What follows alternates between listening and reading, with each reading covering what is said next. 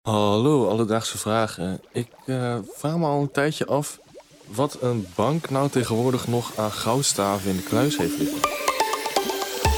Alledaagse vragen. NPO Luister.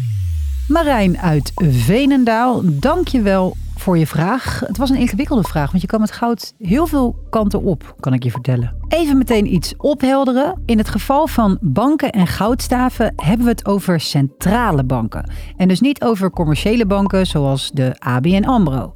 Maar een centrale bank, wat doen die dan precies? Nou, Aaron, wil jij dat even uitleggen? Ja, ik ben even in die wereld van de centrale bank gedoken. En kort gezegd heeft een centrale bank een belangrijke taak. En dat is om de waarde van de nationale valuta en de waarde van het binnenlandse geld zoveel mogelijk stabiel te houden. En daarnaast brengt de centrale bank geld in omloop en houdt toezicht op financiële instellingen. Dankjewel, helder. Maarten Schinkel is econoom en schrijft onder andere al jaren voor de NRC over de financiële wereld. En met hem sprak ik over goud, goudstaven en dus die centrale banken.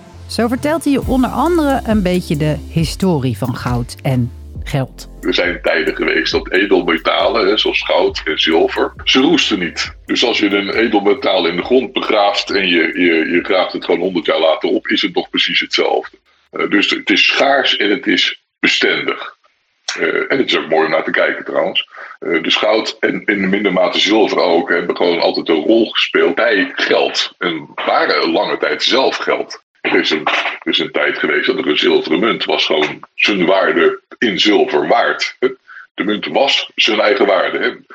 Dus goud is altijd belangrijk geweest. En naarmate het geldstelsel veranderde, werd goud eigenlijk een soort van dekking van de waarde van geld op de achtergrond.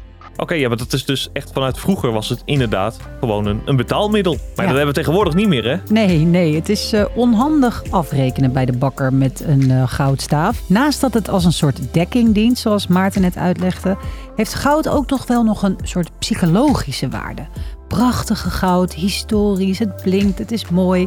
Dus die waarde hechten we ook in ons hoofd er gewoon nog heel erg aan. Als goud niet zoveel meer is dan een dekking en dus dat psychologische spel in zich heeft, waarom hebben banken dan alsnog graag goudstaven? Het is natuurlijk gewoon verstandig om een soort hè, centrale bank, een soort mengeling te hebben van financiële reserves. Dat snap ik heel goed. Je, moet wat dollars op voorraad hebben. Stel je voor, je munt stort in, maar er moet wel graan worden geïmporteerd. Dan moet je gewoon met harde valuta's dat graan kunnen betalen, want uh, niemand accepteert jouw munt meer. Dus je hebt wat dollars, je hebt wat yen, uh, je hebt wat, uh, wat euro's en goud. Dus het is, het is gewoon zekerheid. Dus als ik het goed begrijp, het is gewoon een soort van verzekering eigenlijk. Dat je als de pleuris uitbreekt, dat je altijd nog dat goud hebt. Alledaagse vragen. Oké, okay, we hebben dus net echt van alles over goud gehoord, of het er nu wel of niet toe doet. Maar ja, er is wel één vraag die ik nog heb, Merel, en ik hoop dat je die kan beantwoorden. Hoeveel goud heeft de Nederlandse bank nou nog? Ja, het verlossende antwoord op die vraag komt ook van Maarten. In het Westen is goud, eigenlijk zeker in de jaren negentig, raakte goud echt uit de gratie. Zeker door westerse centrale banken eh, en zeker door de Nederlandse bank. werd er heel veel goud verkocht. Wat moet je er nog mee? Kijk, goud is heel onhandig. Hè? Het is, je moet het ergens opslaan, dan moet je allemaal bewaken. Nou, echt waar, dat, is, dat zijn kosten. En goud heeft helemaal geen rente. Goud levert niks op. Er is geen rente op goud, er wordt geen dividend uitgekeerd op goud. Je hebt daar er niks aan. Behalve het feit dat het gewoon iets waard is en hopelijk blijft. Nederland heeft, ik denk, meer dan de helft, ja, meer dan de helft van zijn goudvoorraad destijds van de hand gedaan. Dus het heeft nu uh, nog 600 ton, wat toch best wel veel is trouwens. 6 ton? 600 ton, Aaron. Ik kan me dat niet eens voorstellen Til hoeveel dat is. Op. Ja, dat gaat me niet lukken. Verplaats het maar eens. Hij heeft het nu natuurlijk heel erg over ja, de westerse landen en Nederland gehad. Maar hoe zit het daar buiten eigenlijk precies? Je ziet dat de aandacht voor goud buiten het Westen uh, aan, het, aan het stijgen is. En uh, dat heeft met, met verschillende factoren te maken. Dus als je maar dollars in, in je portefeuille had, hè, of, of in je reserve als land, uh, dan zat je wel goed. Dat is nog steeds zo. En in mindere mate geldt dat ook voor euro's, hè, de nieuwe Europese munt. Maar naarmate dat wantrouwen toeneemt, is Amerika nog wel de baas zelf. misdraagt Amerika zich niet met al die sancties?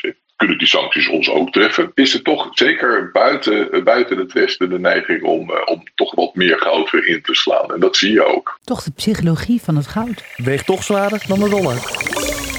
Dus Marijn, wat heeft een bank nog aan goudstaven liggen? Nou, Nederland heeft nog zo'n 600 ton aan goud. Als centrale bank wereldwijd is het toch altijd handig om iets van goud te hebben. Zie het als een soort dekking. Zo hebben centrale banken vaak meerdere grote valuta liggen, zoals de yen en de dollar voor als een eigen valuta onderuit zakt. Maar dus ook nog steeds gewoon good old goud. Hoe meer van dat soort opties je hebt, hoe meer, ja, toch wel zekerheid. Wil jij nou ook zekerheid over iets? Stel dan gewoon je vraag via Alledaagse Vragen. Dat kan je natuurlijk op de Instagram-pagina doen, Alledaagse Vragen. Of je stuurt een mailtje naar alledaagsevragen.bnnvara.nl en dan gaan we het hoogstwaarschijnlijk voor je uitzoeken. Alledaagse Vragen.